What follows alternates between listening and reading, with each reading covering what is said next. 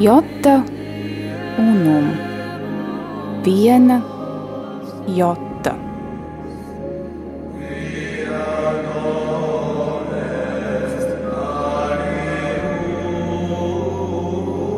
Tradīcija, skaistums, kas paceļas pāri laikam. Skaistais ir patiesa, skaistais ir labs.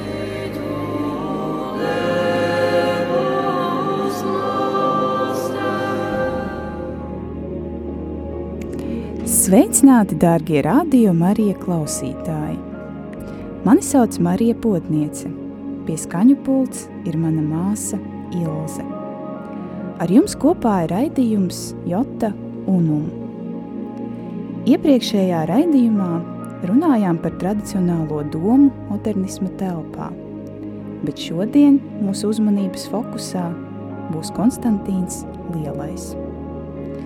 Bet nu laiks īsam ievadam. Šovakar parunāsim par Konstantīnu Lielo, kurš gan pēdējos gados baznīcā tiek vērtēts kā drīzāk negatīva, nevis pozitīva figūra. Un tā, izmantojot terminus pirms Konstantīna un pēc Konstantīna laiki, šos pēc Konstantīna laikus raksturojot kā tādus, kas esot nesuši baznīcai vien garīgu, liturģisku un doktrinālu degradāciju. Bet vai tā patiešām ir? Citējot bīskapu Atanāziju Šnaideru, kurš atzīmē, ka šādi uzskati ir gandrīz herētiski – un ir absolūts mīts, jo skatoties kaut vai no vēsturiskā viedokļa un par piemēru ņemot vienu no konservatīvākajiem baznīcas tēviem, Svēto Atanāziju, kurš savu bērnību un jaunību pavadīja vajātajā pirms Konstantīna laika baznīcā, bet kā bīskaps jau pēc Konstantīna, jeb laikā, kad kristieši vairs netika vajāti, un kurš nes savos darbos, nes prediķos, nekad netika norādījis uz kādu liturģisku vai doktrinālu lūzumu, varam secināt, ka tāda vienkārši nav bijis. Tātad, šodien runāsim par mūsdienu mītiem un ļoti nevien, neviennozīmīgi vērtētu vēsturisku personu, Konstantīnu Lielo, un viņa pienesumu kristietības attīstībā. Domāju, ka diez vai varēsim atrast labāku kandidatūru, kas spēs mums šos komplicētos jautājumus izskaidrot, gan no, būs, gan no vēsturiskā, gan no teoloģiskās puses, kā baznīcas vēstures doktors, Latvijas Universitātes teoloģijas fakultātes, baznīcas un reliģiju vēstures katedras pasniedzējs, priesteris Andris Priede. Nu, es nemaz nešaubu, ka esmu vislabākā kandidatūrā. Jā, tā tad Pirmais jautājums, ko es vēlējos noskaidrot Konstantīna sakarā, ir, kāpēc lielais? O, no mums, starp citu, starp pāvestiem arī ir trīs.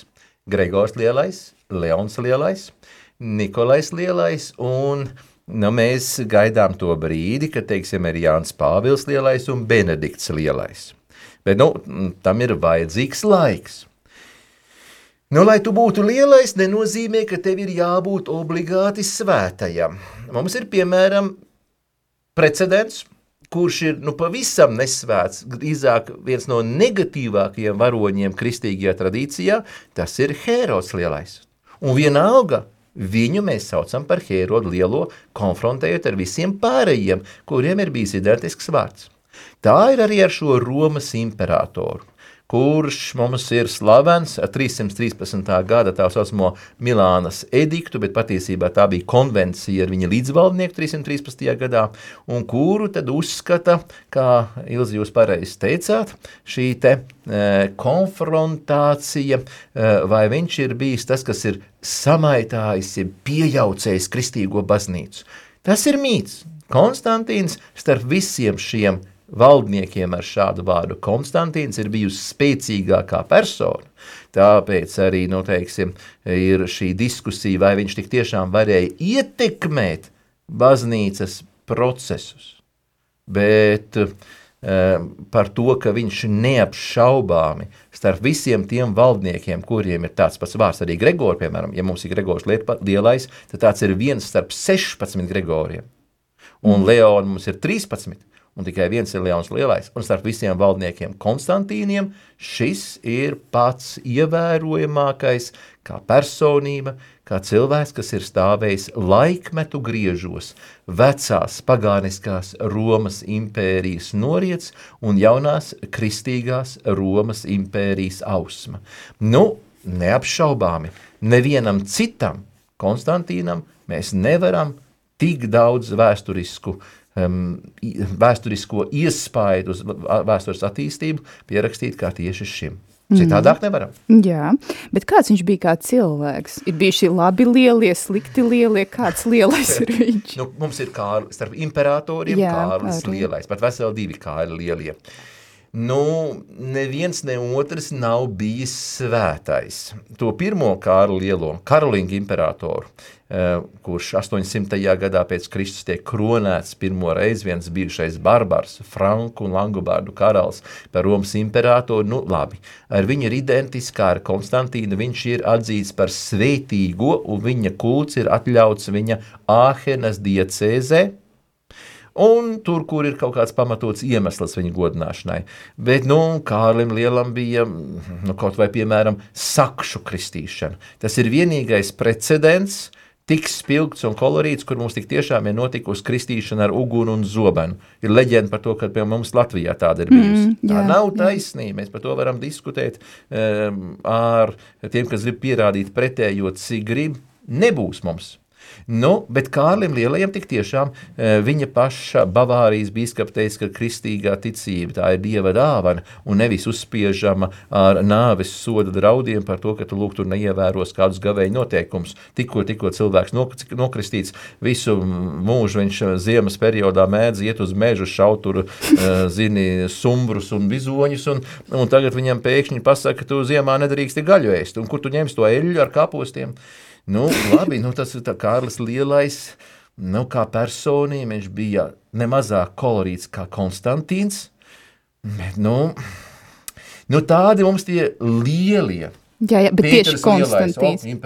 Oh, nu, nu, atvaino, nu, nu, tas, jā. ka tu esi lielais, nenozīmē, ka tu automātiski esi nu, jā, esi kristāls skaidrs. Jā. Nu, nebija viņš um, paraugzēts, bet viņam bija svēta māte, mm -hmm. svētā Helēna, un eh, nereti, nereti pēc gadsimtiem tas ir augstākais eh, liturģiskais pagodinājums, kad, kad tevi salīdzina un saka jaunais Konstantīns un jaunā Helēna, piemēram par Kijevas Krievzemes kņazu Vladimiru un viņa veco mātu Olgu saka, nu, viņi ir jaunais Konstantīns, jaunā Helēna. Nu, tādas, tādas paralēlas Bizantiešu rita baznīcā mēdz vilkt. Viņš ir kļuvis mm. par tādu kā savu veidu etalonu apstuļiem līdzīgais. Tieši pateicoties. Bet to viņš šķiet pats sev ir piedēvējis, ja nemaldos. Viņš pats ir teicis, ka viņš ir apstuļiem līdzīgais. Nu, atvaino, mēs katrs kristietis tā drīkstam teikt. Ja mēs gribam tagad to viņu, viņu attaisnot, mēs teiksim, katrs kristietis ne tikai apstuļiem līdzīgs, katrs kristietis ir pašam kristum līdzīgs. Nu, nu, tas gan, tad viņš jau bija esam, pieticīgs. Nu, viņš bija tikai pieticīgs. Mēs kristieši, vērtam teikt, ja mēs esam kristieši, tā tad mūsu uzdevums ir attēlot mūsos, Dievs mūs radīs pēc savu ģīmi un līdzības, ģīmes mūsos ir ielikts, bet šī līdzība ir sadarbība. Un tad jau, jau pašam Kristam, nu, ko tad tikai apustuļiem, nu, baznīca ir apustuliska, katrs kristietis ir aicināts darboties apustuliski, nu, Konstantīns vēl jo vairāk. Nu? Bet kā ir ar šo kristību? Viņš tādā zīdaiņa vecumā, es saprotu, tika kristīts, kā tas pienākas? Tās ir leģendas. Tās nu gan ir leģendas, ir arī viena leģenda Romā, um, viena no manām iemīļotajām apmeklējuma vietām bija pie Latvijas bazilikas Konstantīna Baptistērijas. Brīnišķīgi, bet, ja esat Romā, iesaku apmeklēt. Vislabāk braucot kopā ar mani. No, Tas, protams, bet, jā. Um, tā tomēr ir tikai leģenda, kad pāvests Silvestrs viņu esot kristījis. Viņš kristījās tikai tad, kad konstatēja, ka, nu, laikam maz cerības uz mm. atvesļošanos. Mūža nogalē 337. Mm -hmm. gadā viņš pavasarī jūtās slikti, nu, ko dara? Brauc uz termām. Tas ir kaut kas līdzīgs kā mūsu, teiksim, kaut kāds tur kurorts ar pirtīm. Mm -hmm. Bet um, konstatēja, ka šoreiz tas nepalīdzēs, un tad viņš izlēma, kad ir jāpieņem kristības sakraments. Un pēc šī kristības sakramenta tur, nu gan mēs varam teikt, viņš kļuva par svēto, viņš vairs neuzvilka savu imperiālo purpuru, palika ģērbjoties Baltijā kristību tērpā un teica, ka beidzot viņš ir pilnīgi, pilnīgi mm. laimīgs. Uh, jā, bet es arī varu izskaidrot, kāpēc tajā laikā lielākā daļa daļa imperatoru un valsts vīru atlika kristību līdz um, mūža nogalei. Tā, tieši tāpat izdarīja viņa dēls, Konstancijs. Mm ar gan arī identisku vārdu. Um, vienīgais no 4. gadsimta imperatoriem, kas nokristījās, tas bija Teodozijas lielais, viņš arī bija sasirds, domāju, viss, tagad jāgatavojas mūžībai, un kā par spīti izveseļojās. Nu, tad nedrīkstēja grēkot. Jā, nu tad viņš bija, tieši viņš, Teodozijas lielais, 380. gads, viņš ir tas, kas padara kristietību par valsts reliģiju, ne Konstantīns. Mm. Bet principā visi to atlika, jo, nu, ja tu esi nokristīts, tad tā latīna tenīs laikos bija tik augsta, Tu vienkārši nedrīkstēji vairs grēkot, jo nu, tās gandarīšanas pēc tam, ja pēc kristībām esi sagrēkojis, bija tik atbaidošas, bija tie prostrantes, flentes, um, stantes, tev vajadzēja baznīcas priekšā stāvēt vai gulēt, visi iet garām, un tu tur uh, guli krustā uz vaigi baznīcas priekšā un raudi, nu vai zini, nu labāk negrēko. Teodozijam, kurš bija nokristījies, Dambrozijas, Milāns bīskaps reizēm, tagad viņš ierodās uz dievkalpojumu, Milāns bīskaps pasaka tā, Es dievkalpojumu neturpināšu, kamēr tu imperatoru neizdarīsi gandarīšanu, neatsauks tur savu rīkojumu.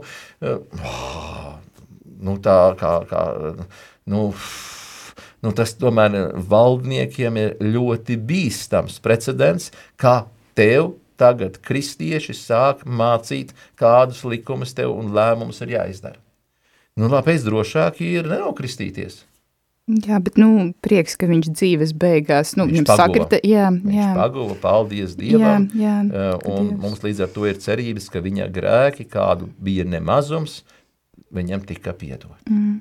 Bet kāds bija šis viņa atgriešanās stāsts? Tur ir šis, šis stāsts par šo vīziju, ko viņš ir redzējis, varbūt ilustrējiet to priekš. Ir divas versijas.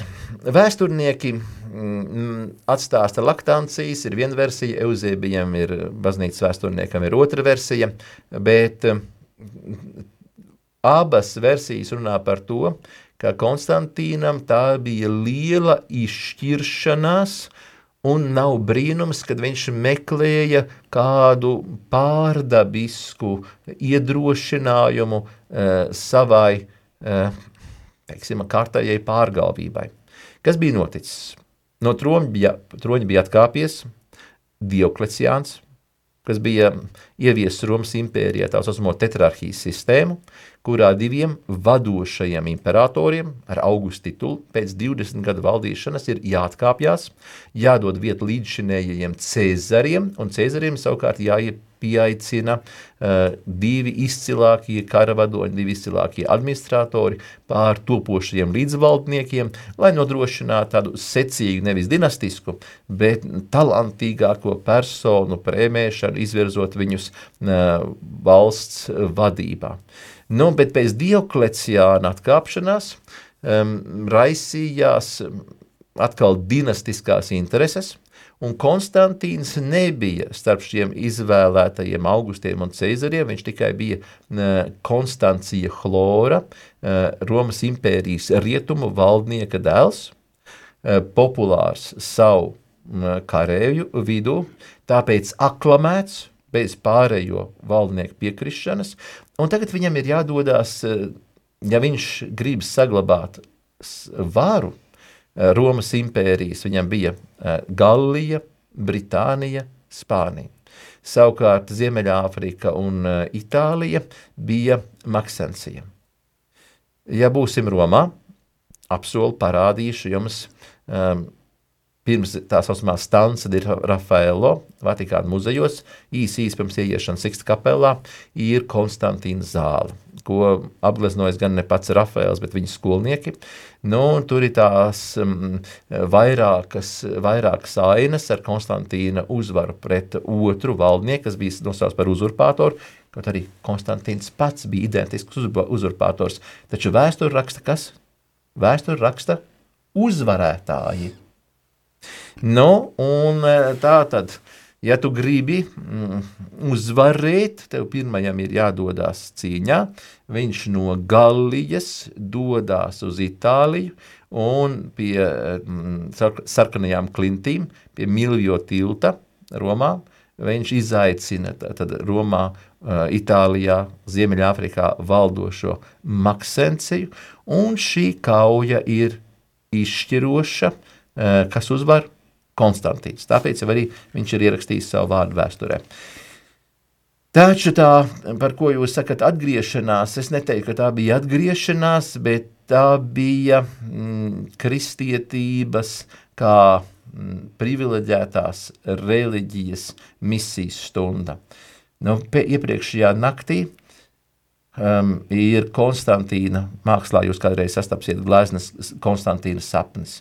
Nu, ka viņam ir, ir, ir, ir parādās sapnī, e, kad e, in, in tūtoinīkē otra versija, ka viņš saskata saulē šo uh, Kristus monogrammu un arī šo, šo grieķu, grieķu uzrakstēnu tūtoinīkē ar šo zīmi tu uzvarēsi vai nu sapnī, vai saulē. Un tas būtu izskaidrojums, kad um, Flāviju ģimene, pie kuras piederēja Konstantīns, tā saucamie jaunie Flāviji, uh, ka viņiem bija īpašas attiecības ar saules dievu, ar Apollo.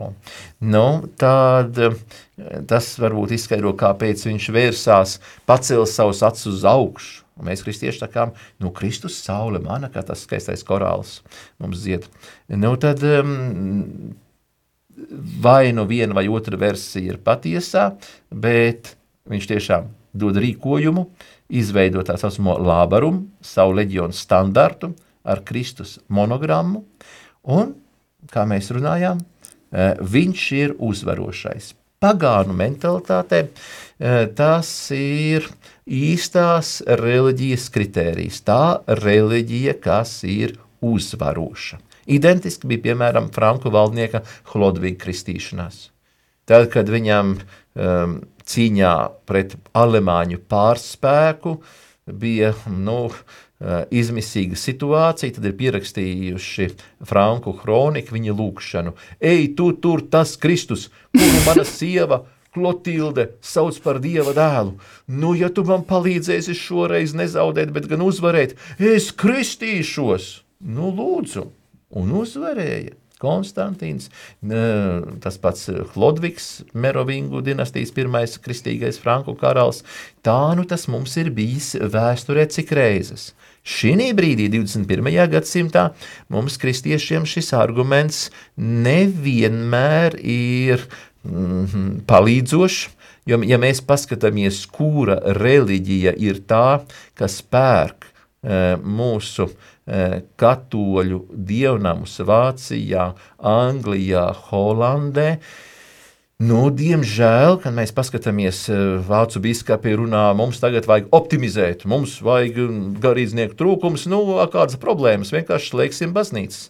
Ticīgiem tas ir neiedomājams iejaunojums, Un uh, viņi tajā vietā, lai brauktu uz kaimiņu baznīcu, viņi pārstāja maksāt vācu katoļu biskupiem nodokļus un, un aiziet tādā opozīcijā. Starp citu, arī mūsu, pie mūsu mīļiem uh, katoļu latīņu tradicionālistiem. Mm. Uh, jo tāda, tāda kapitulācijas politika Eh, rādot, ka nu, lūk, mēs, kristieši, mierīgi paši ejam mazākumā, un islāms un citas reliģijas tagad pērk mūsu dievnamus. Nu, tas, kāds varētu teikt, lūk, tā ir pagāniska mentalitāte, skatīties uz šādiem kritērijiem. Bet pirmajā gadsimtā tas nostrādāja. Un man ir jājautā, tāpat kā saka Pāvests Benedikts, vai 20. un 21. gadsimta cilvēks nav atgriezies drīzāk tādā, kā tur eh, Pāvests pajūtkoja, alu laikmeta reliģizitātes līmenī. Jā. Nu, jā, bet nu, atgriežamies tātad, mēs to nesteigsim par viņa atgriešanās momentu, bet par to, ka viņš izšķīrās un atzina, ka kristietība ir tā reliģija, kas vislabāk var palīdzēt um, apdraudētajai Romas impērijai, uzvarēt iekšējos konkurentus, lai konsolidētu vāru vienīgā valdnieka rokās un tad spētu aizstāvēt Romas impērijas robežas. Tur nu, tas ir eh, tas um, visu eh, vēsturnieku vienprātīgs, um, vienprātīgs slēdziens, ka tās tā bija pārdabiska iejaukšanās. Mm. Kaut un 21. gadsimtā mums tādas jā, zīmes rādītos. Mums, jā, tiešām. Jūs jau iepriekš eh, mazliet mēs pieskārāmies viņa mātei Helēnai. Kā ir ar māti Helēnu un krustu? Šķiet, tur arī ir kāds skaists stāsts. O, Nu, stāsts sākumos ir ļoti skaists, pēc tam uh, mazliet melodramātisks un pēc tam atkal triumfāls. Kas bija Helēna? Tad, kad Konstantīna lielā tēvs Konstancijas Chlors bija jauns virsnieks, bet ne jau nu imperators, viņš iemīlās. Kā katrs no mums piedzīvo savu pirmo un bieži vien īsto un vienīgo mīlestību. Bet tā ir skaista rāķieša meitene, daži saka tāda dzīvespriecīga, lustīga, krodziniece, nu apmēram tā kā vēlna kalpos Olgu Dreģi, iedomājieties, tādu, tādu sulīgu. Nu, bet tā ir patiesa mīlestība, un šajā viņu um, lau, teiksim, nu tā jau nav kristīgā laulība, Konstancijas, Hlo, Konstancijas Hlors nebija kristietis, viņš bija no visiem valdniekiem vistolerantākais iepretim kristiešiem.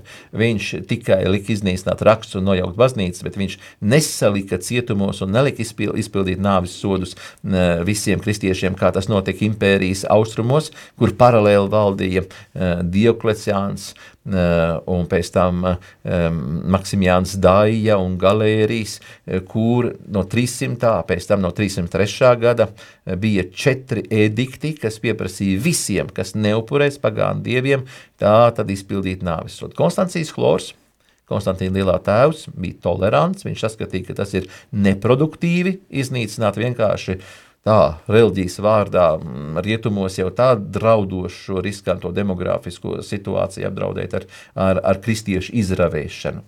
Bet uh, Helēna gan, iespējams, ka tieši Helēnas ietekmē Konstancijas bija tik tolerants. Uh, Helēna, daži vēsturnieki saka, ka viņa varbūt bija arī uh, simpatizēja varbūt vairāk vecajai derībai kā jaunajai derībai, uh, taču viņa mīlestībai, mīlestības stāstam pienāk gals, Tad, kad Konstancis taisa karjeru, atzīts kā izcils karavadonis, un tad nu, viņam ir jāprat sava ranga meitene. Tāpēc Konstantīnam Lielajam bija pus, pusbrāļi un pusmāsas no, no pamātes, un nevis no savu tēvu pirmās un mīļotās sievas Helēnas. Nu labi, tad um, Helēnai jāpaiet mazliet malā, tas ir tas uh, melanholiskais laiks, Bet tad, kad dēls kāpj tronī, loģiski, ka viņš privileģē starp sava tēva sievām to, kas ir viņa māte un kas ir arī kristieti. Savukārt par krustu. Jā. Kāpēc bieži vien Konstantīns tiek attēlots kopā ar Helēnu, un uh, viņi abi tur rokā krustu? Nu, tas ir tas, kāpēc Helēna dažkārt uz, uzskata par visu arheologu svēto aizbildni. Viņa ir tā, kas pēc dēla kāpšanas tronī pirmā no imperiālās ģimenes svētceļo uz svēto zemi, apmeklē tur Bētlēmi, Jeruzālemi, Golgātu, un tad ir ļoti plaši stāsti, ko mēs parasti baznīcā stāstam svētā krusta paaugstināšanas un svētā krusta atrašanas svētkos par to, nu, kā tad notiek tie arheoloģiski izrakumi. Nu, kā tur jāpierunā, vai drīzāk pat jāpiespiež vietas zinātāji atklāt, jo um, pēc otrās jūdas atcelšanās, Jeruzālēmē, Bēltlēmē, Nāceretē bija mērķiecīgi izveidotas pagānu svētnīcas uz, uz kristiešu, gan uz kristiešu, gan uz jūdu svēto vietu grupām. Nu, bet tomēr tātad Golgāta, Golgātas vietu ir zinātāji, nevienmēr tie ir um, kristieši, kuriem tas ir jāzina. Nu, un tad uh, atrok tos trīs krustus, un tā dievbijīgā leģenda stāsta tā. Nu, izmēģiniet, kurš tad tas īstais? Un kā, to, kā pārliecināties, kurš ir īstais? Pieliek slimnieku. Pieliek pie viena, nekāda efekta, pieliek pie otra, nekāda efekta, pieliek pie trešā, hops, tas pieceļās un uh, gavilēdams uh, atgūst pilnīgu veselību. Nu, tad tur nav jāšaubās. Tās krusts, kas darbojas, Tā ir tā vecā pagānu mentalitāte, bet par kuru mēs runājām, ka nez, vai tad mums šodien tā mentalitāte ir daudz labāka, kā, kā smējās, vai ne, tur mūsu Romas, Romas kūrijā eh, par šo akmens laikmetu mentalitāti 21. gadsimtā. Nu, tā, tas, kas darbojās, tas tad ir īstais, īstais krusts. Helēna pārved no eh, Jeruzālēmes, un atkal tāda dievbijīga leģenda. Viņa atved ne tikai krustu, eh, Kristus ciešanu relikvijas, tur ērkšķu kroni un uh, Golgātas nagos, bet viņa atved pat Poncija Pilāta pils kāpnes. Ja būsim Romā, atkal apsolu aizvedīšu uz Sankta Sanktorum, tātad blakus San Giovanni Laterano, ir pirmā pāvesta rezidents līdz Aviņonas trimdas laikiem. Uh, pāvesta rezidēja nevis Vatikānā, bet Laterānā, un tur uh, kāpnes, kas ved uz Sankta Sanktorum, tātad uz pāvesta privāto kapelu, tās tiek sauc par skala sankta, un tās tagad ir ar iekškoku noklātas, bet uh, tradīcija, um, romiešu iemīļotā tradīcija saka, lūk, Helēna, Viņa no pilsētas paņēma šīs kāpnes, kuru uh, galā tātad Kristus tiek rādīts tautai, tā slavenā mm. bilde, ekce homolog cilvēks, un atved uz Romu un uzstāda Laterāna uh, blakus um, Laterāna pilī, un kas kļūst šodien par vienu no populārākajām vietām. Svētceļnieki tur par šīm galvenajām kāpnēm eh, ar lūkšanām uz lūpām, uz katra, uz katra pakāpiena eh, lūdzās tēvreiz vai kādu citu atbilstošu lūkšanu. Nu, tad abās pusēs ir mm, kāpnes bez rieksturkokas seguma, marmora kāpnes, par kurām tad kāpj mierīgi lejā. Līdzīgas kāpnes, starp citu, mums tuvākās ir Tituvēnos.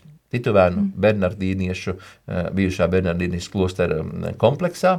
Tas ir nedaudz aiz šauļiem, uh, ja brauciet uz eh, Šilovas sanktuāriju, tad pa ceļam iebraukt paļendrai benediktīniešu priorātā, tāda titovēnos, un tur ir mums tuvākā uh, svēto kāpņu kopija.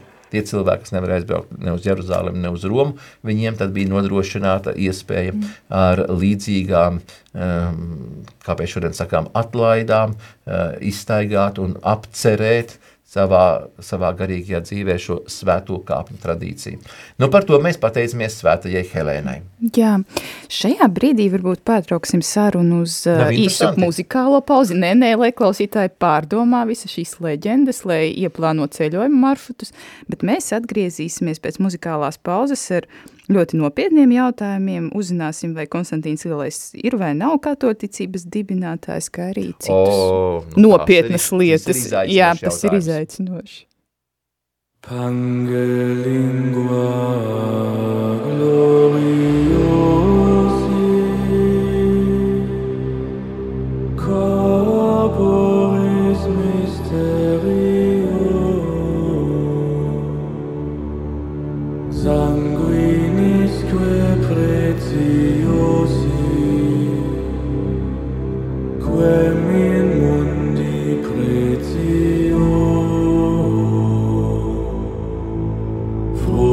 Deus ventris generosi Rex effudit gentio Nobis datum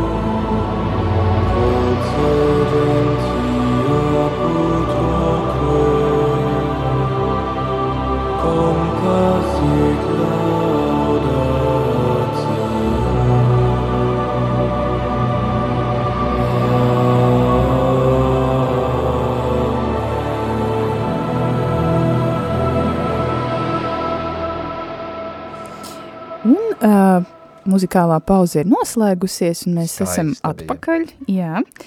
Un uh, plašās aprindās ir zināms, ka kristietība ir dibinājis apustulis Pāvils, un tad sanāk gods dibināt katoļu ticību ir uh, Konstantīnam Lielajam. Tiešām? Mēs, jā, jā, jā. es tādu, tādu neņēns neesmu dzirdējis. Nu, tas man liekas, nu, es, protams, to ar ironiju saku, bet, nu, tas tādās atsevišķi ateisti vai dažādi agnostisti skeptiski noskaņoti cilvēki izvirza šo versiju, bet man ir nepatīkami, ka šādas runas sāk parādīties arī katoļu baznīcā. Ne tādas runas 16. gadsimtā mm. studentiem vienmēr piekodinu iemācīties, ka 16. gadsimtā mums bija četras protestantiskās reformācijas – luteriskā, kalvīniskā, anglikāniskā un tā saucamā radikālā. Luteriskā, kalvīnistiskā un anglikāniskā sev uzskatīja pār mantiniecēm visiem 15 līdzinējiem gadsimtiem. Kaut arī saskatīja tur lūk tādas un tādas doktrinālās kļūdas un um, hierarhijas vāras monopolizāciju, bet viņi sevi uzskatīja par absolūtiem mantiniekiem, uh, pārņēma visus līdzinējos dievnamus, bieži vien saglabājot viņas pat uh, vēl krāšņāk nekā uh, pēc Tridents koncila katoļu baznīca. Piemēram, anglikāņiem un luterāņiem ir saglabāta tā saucamais lentners, jeb žubē, jeb skola kantorum, kas nodalīja um, dievlūdzēju nāvu no presbitērija, un kuru nojauca katoļu baznīcā pēc Ridens koncila. Tikai Siksta kapelā ir saglabājusies un vēl uz vienas rokas pirkstiem skaitāmās vietās. Nu, un savukārt radikālā reformācija 16. gadsimtā tie gan bija tie, kas teica, ka autentiskā kristietība ir pazudusi tur apmēram no Konstantīna laikiem un kad viņa tagad ir jādibina no jauna.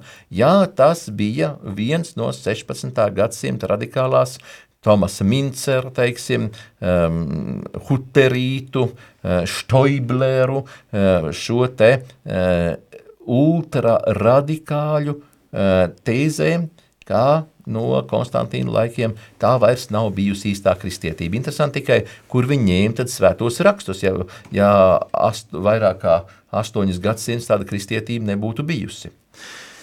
Ja tāda tēze ir, un ko lai uz to atbild? Pirmām kārtām jau to, ka mēs apustulu Pāvilu saucam par tautu apustulu, bet nekādā gadījumā viņam nepieder monopols uz kristīgo ticību. Arī tas mazliet tiek um, um, pārspīlēts, tas ir um, dažās, dažās ebreju uh, reliģiju pētnieku aprindās izplatīts viedoklis, ka nu, Pāvils ir tas, kas uh, šo um, uh, jūdu tradīciju lūk ir iznesis ārā pagāniem un ka lūk apostols Pēters jau nu gan tā nebūtu darījis. Nē, mums ir pietiekoši daudz liecības, kad kristietība arī ir bez Pāvila. Tad to pirmo pēc mēs varam apgāst par to, ka um, Pāvils respektēja tās vietas, kur kristietība jau bija sludināta pirms viņa.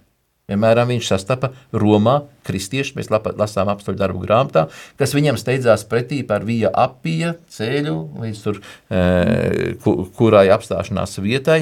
Tātad um, kristietība arī būtu bez Pāvila. Un vai kristietība vai katoļticība būtu bez Konstantīna? Ātrāk vai vēlāk, jā jo mēdzam teikt, ka lūk, 313. gads, tā, tā ir tāda klišeja.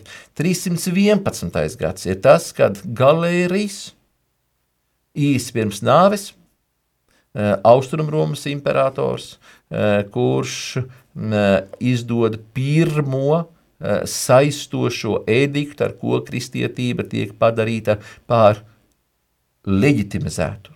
Nevairs superstīciju, mainticību vai kaut kādu uh, tur pagrīdes, uh, bet kā viena atļauta reliģija, turklāt viņš vēl piekodina kristiešiem lūgties par valsts labklājību un arī par viņu pašu. Tātad jau pirms Konstantīna šī, šis precedents ir bijis. Ja Konstantīnam bija personīgas simpātijas, viens mātes dēļ, Otrs, ka nu, pirms slavenās Milvio kaujas 312. gadā, kad viņam bija jāvēršās pie tā dieva, kurš vislabāk var palīdzēt, un tad viņam no debesīm nāca atbilde caur to kristiešu dievu, Nu, tas, tas ir viens, viens baznīcas vēstures posms un, un tāda emblemātiska um, zīme, emblemātisks datums, kā mēs mēdzam teikt, bet nekādā gadījumā tās nav izšķirošais. Arī kristīgā teoloģija. Uh, taisnība Konstantīna laikā tiek sasaukts pirmais ekumeniskais koncils. Jā, varbūt mazliet par nu, to, tā kā tas tāds ļoti nozīmīgs. Tur, tur ir atkal visu cieņu Konstantīnam, kurš respektē uh, kristiešu pašu uh, kompetences viņa, viņu teoloģijā.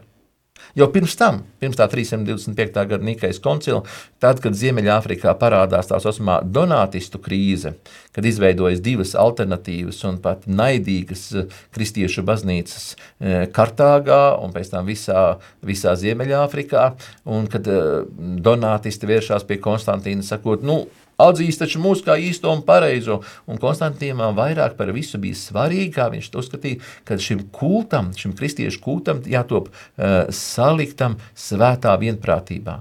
Bet viņš saka, zinat, Tas, par ko jūs tur runājat, uh, par to, ka lūk, vieni būtu nodevēji dēli un otri būtu lūk, mocekļu mantinieki, es īsti labi nesaprotu. Uh, viņš saka, lūdzu, lai sasauc sinodes tur Romā, Arlē, tagadējā Provansā,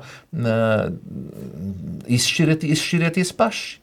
Un tā tas ir arī tad, kad parādās kāda cita jauna kontroversija, arianisms.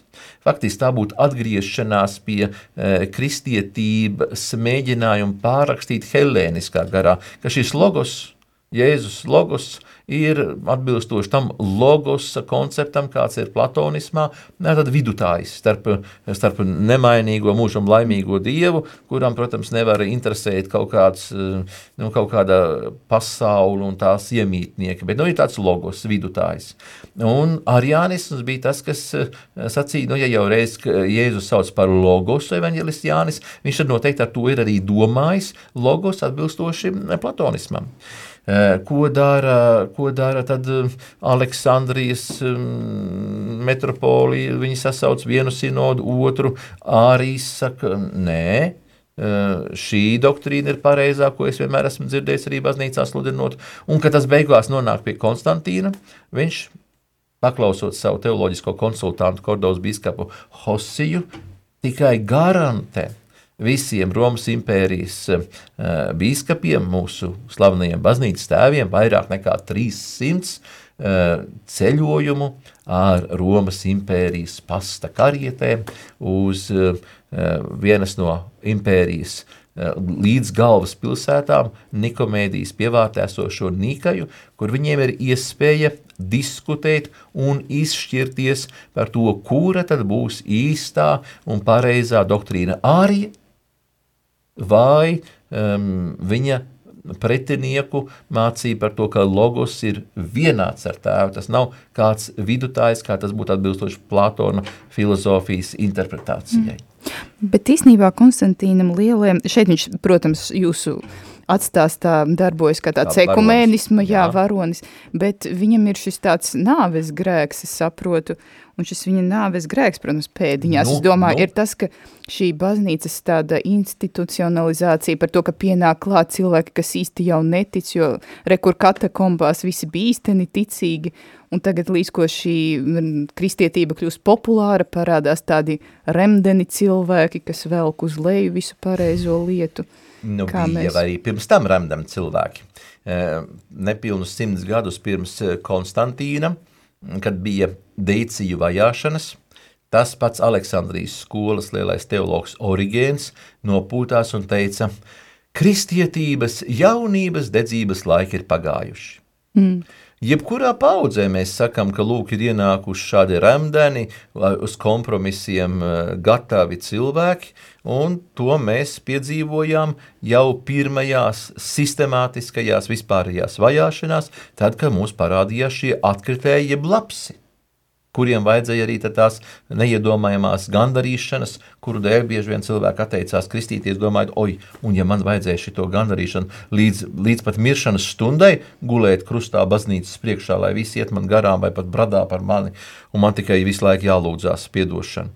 Nu, Bet um, tādi vienmēr ir bijuši, un atdošanu, nu, varbūt pašā laiku beigās, pirms pastarās tiesas, varbūt, kad baznīca būs tik um, maza un neievērojama, uh, kad mums nebūs šādu līdzskrējēju un, un konjunktūras cilvēku. Mm. Nu, tas, kad um, klērā um, ienāk um, daudzi karjeristi, nu, tas ir uh, taisnība. Bet vai tad šādi karjeristi nebija pirms tam? Um, atsevišķi baznīcas autori raksta, kad vajāšanu laikos pirms Konstantīna viņi redzēja paši savu bīskapu, kurš um, tā teikt uh, ļoti rūpīgi seko visiem rituāliem priekšrakstiem, lai saliktu pagānu upuru. Mm. Tādi precedenti bija. Un tādi precedenti arī šodien. Mums vajag tikai paskatīties, eh, cik Romas pāvestam ir daudz galvas sāpju ar, ar, ar šodienas biskupiem, kuriem ir jāatkāpjas no sava amata, eh, dažādu eh, morālas vai pat mm. Francijā tāds skandalos gadījums arī doktrinālas dabas mm. pārkāpumu dēļ. Mm. Konstantīns, viņš privileģē baznīcu, jā, eh, viņš viņu padara par tautas baznīcu ar visiem izrietošajiem riskiem, bet nu, nekādā gadījumā tā nav uh, tik radikāla pagriešanās. Radikāla pagriešanās būs uh, 200 gadus vēlāk, kad Bizantijas imperators Justinians Lielais padarīs kristietību par vienīgu atļautu reliģiju. Konstantīns par privileģēto, Teodozijas lielais par valsts reliģiju pusgadsimtu vēlāk, bet vēl tikai pēc 200 gadiem pār vienīgo. Nu, tāda, protams, arī visiem Nav izvēles, nav jā. izvēles. Ir jābūt ticīgiem. gribi, gribi, negribi, vai arī beidz uz partiešu impēriju, kā teiksim, Justiniāna laikā Atēnas skolas filozofi. Nu jā, tad varbūt pievērsīsimies liturģijai un tiem gaišiem pirms Konstantīna laikiem, kuros iespējams bija šīs diakonises, bija, nezinu, viss bija mājīgāk, mīlīgāk, jaukāk, un tad parādās Konstantīns lielais un šķiet eh, ieviešas latīņu valodas, protams, ironizēju šajā brīdī. Tāpēc es jau sāku raustīt plecus, kur jūs esat ņēmuši tādas idejas. Kā ir ar šo? Nē, pavisam nav tā, starp citu, ar latīņu valodu.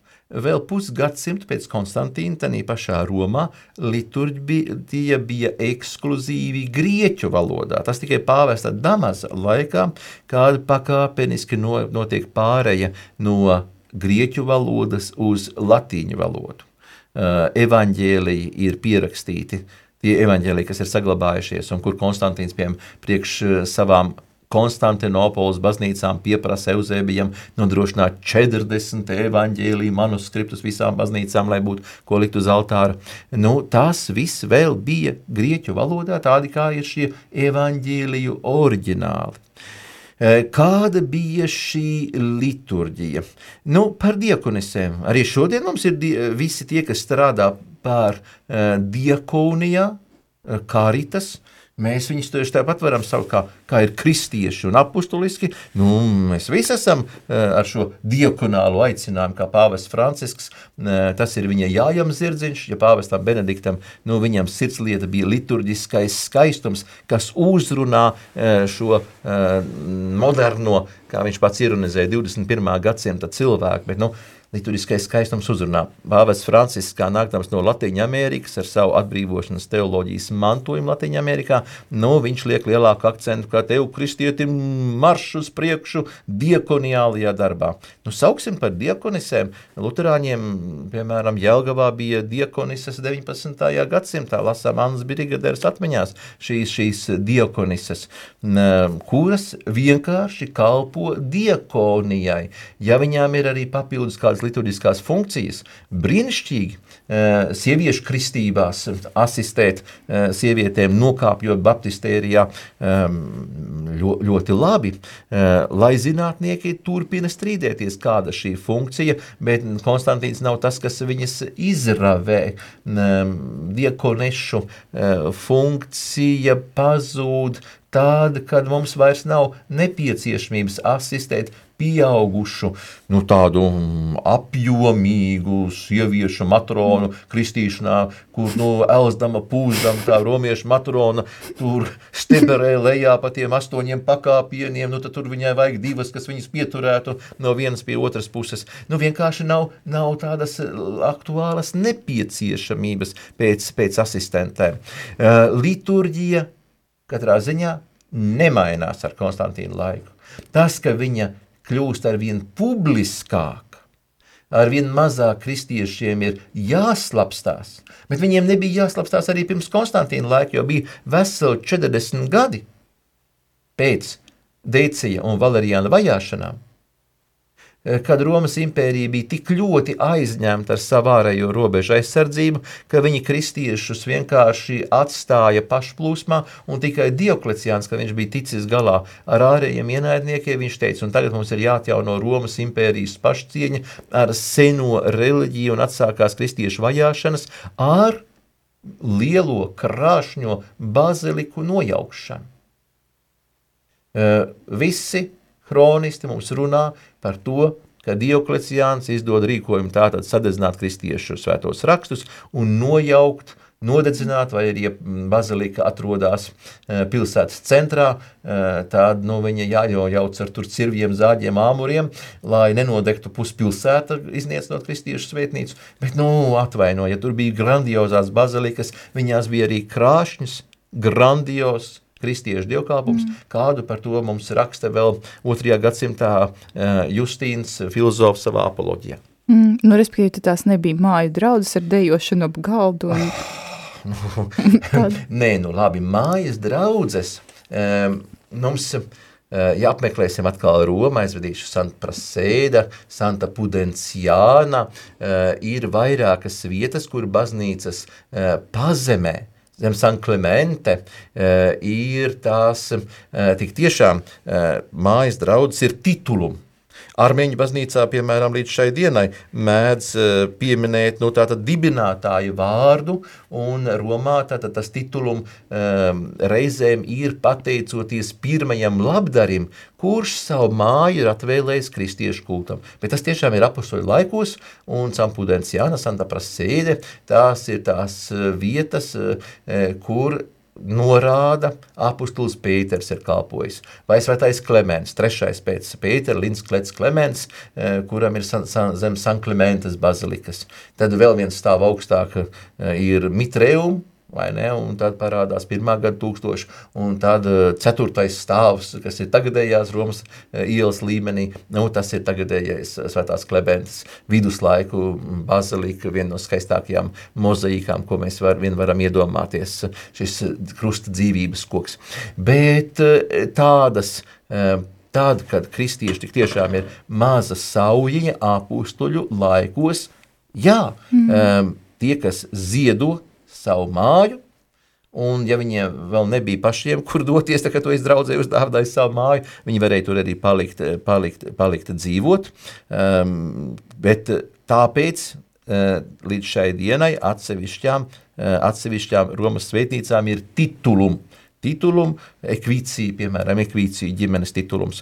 Uh, bet, um, labi, jūs varēsiet uzaicināt priesteri Kārli Miķelsonu, kas pašlaik Romā uh, specializējas liturģijā, nu, vai, vai viņš kā tagad profesionāls liturģikas doktorants, vai viņš arī var teikt, ka Konstantīna laikā būtu kāds grandios pavērsiens. Nē, mm. tas nu gan ir atkal kārtējais falšs un kārtējais stereotips.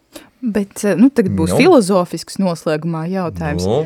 Kāpēc mēs pieķeramies šiem mītiem? Tāpēc, ka mums viņi ir izdevīgi. Tāpēc, ka uh, grēcīgais cilvēks baidās no patiesības, par kuru Kristus ir teicis, patiesību jūs darīs brīvus, bet uh, visbriesmīgākais no visiem stereotipiem ir ka kristietība lūk tev atņems brīvību, tev paverdzinās, tevi padarīs par kādu burta kalpu, iespējams, kad eh, visiem šiem cilvēkiem, kuriem ir izdevīgi pierādīt un teikt, nē, nē, nē, nē, kristietība ir ienākusi pie mums ar uguni un zobenu un negrib dzirdēt. Kristieši ir dedzinājuši, un īpaši jau katoļu ragans. Latvijā praktiski mēs neatradīsim nevienu eh, katoļu raganu sadedzinātu. Nu, Bet kāpēc pieķerāsim šiem stereotipiem, lai tikai nebūtu jākonfrontē sava sirdsapziņa ar ticības patiesību? Un kādu iemeslu dēļ baidās konfrontēties? Tāpēc, ka šis stereotips, un ir varbūt satikuši arī kādu kristieti, tādu kā oļiņa māti, kura, kā saka, lai es eju, kur iebdama, eh, Vatikānu koncilu vārdu man vajag mutē turēt. Nu, piedod, nu, tas, līdz, tas tiek pārvērsts par karikatūru. Un tad nav mm. jābrīnās, ka mūsu tradicionālists saka, mums tas ir līdz, līdz kaklam visu laiku vienu un to pašu. Nu, baznīcē ir 2000 gadi, apskatām visu, kā pāvests Benedikts teica, šajā secībā. Un tad cilvēki, tad, tad, ja, mē, ja mūsu pašu uh, kristiešu un vēl katoļu vidū ir šī te um, savstarpējā aizspriedumainība, kāpēc mums brīnīties, kad laicīgā pasaule um, skolās, masu saziņas līdzekļos, publicistikā, kad viņa tā tad baidās un meklē iemeslu, kā attaisnot savu, savu neiešanu uz baznīcu, kā attaisnot savas bailes no uh, Kristus un viņa atbrīvojošās patiesības. Jā, paldies jums liels, priesteri Andri. Tiešām. Jā, diemžēl raidījuma laiks ir noslēdzies. Tas bija, jā, skaistas pārdomas. Paldies jums. Domāju, klausītāji arī bija apmierināti. Un, mm, Kāpēc arī... es nedzirdēju zvanus? Un... jā. Nu, viņi klausījās, konspektēja, iespējams, nākamo reizi. Neviens nezvanīja pateikt, kad piekrīt, vai arī uzaicinās mani uz kādu uz dueli intelektuālu. Bet katrā ziņā paldies, paldies Marija, paldies Ilze par jūsu raidījumu ciklu Jota Unum. Reizi mēnesī mums ir iespēja tātad konfrontēties ar dažādiem, dažādām klišajām un stereotipiem un mēģināt domāt dziļāk, kā teica savā laikā Jēzus tēvs eh, Pēters Cirsis. Domāt dziļāk un nonākt līdz Kristus atbrīvojošai patiesībai. Jā, paldies jums liels! Um, diemžēl, kā ierasts, nevaru jūs aicināt uz tradicionālo latīņu misiju ogrē, bet šai sakarā vēlētos nolasīt uh, Una Voce Startautiskās federācijas aicinājumu visiem labas gribas katoļu ticīgajiem. Un tātad Startautiskā federācija Una Voce aicina visus labas gribas katoļu ticīgos 2023. gada lielā gavēņa laikā lūgties un gandarīt īpašā nodomā – lai tradicionālā latīņu svētā mise Romas ritā un citos latīņu ritos būtu brīvi pieejama priesteriem, kuri to vēlas svinēt, un citiem ticīgajiem, kuri vēlas tajā piedalīties. Nodoms, protams, attiecas arī uz visiem sakramentiem, sakramentālijām un kanonisko stundu dievkalpojumiem. Lai ticīgo lūkšanas, pašaizliekšanās un ticībā darītie darbi paceļas pie kunga un viņa vissvētākās mātes – kā no sirds dziļumiem nākošs sauciens pēc žēlastības, lai visiem katoļiem atkal atgūtu tiesības un iespēju pielūgt Dievu saskaņā ar senajām un godājamajām baznīcas tradīcijām, pilnīgā vienotībā ar svēto tēvu un visas baznīcas bīskapiem. Asociācija Unevoce Latvija, protams, arī aicina pievienoties šai iniciatīvai un arī Latvijas nodomā. Pateicos par izrādītu atbalstu lūkšanās un nodomos. Paldies jums un uz drīzu tikšanos!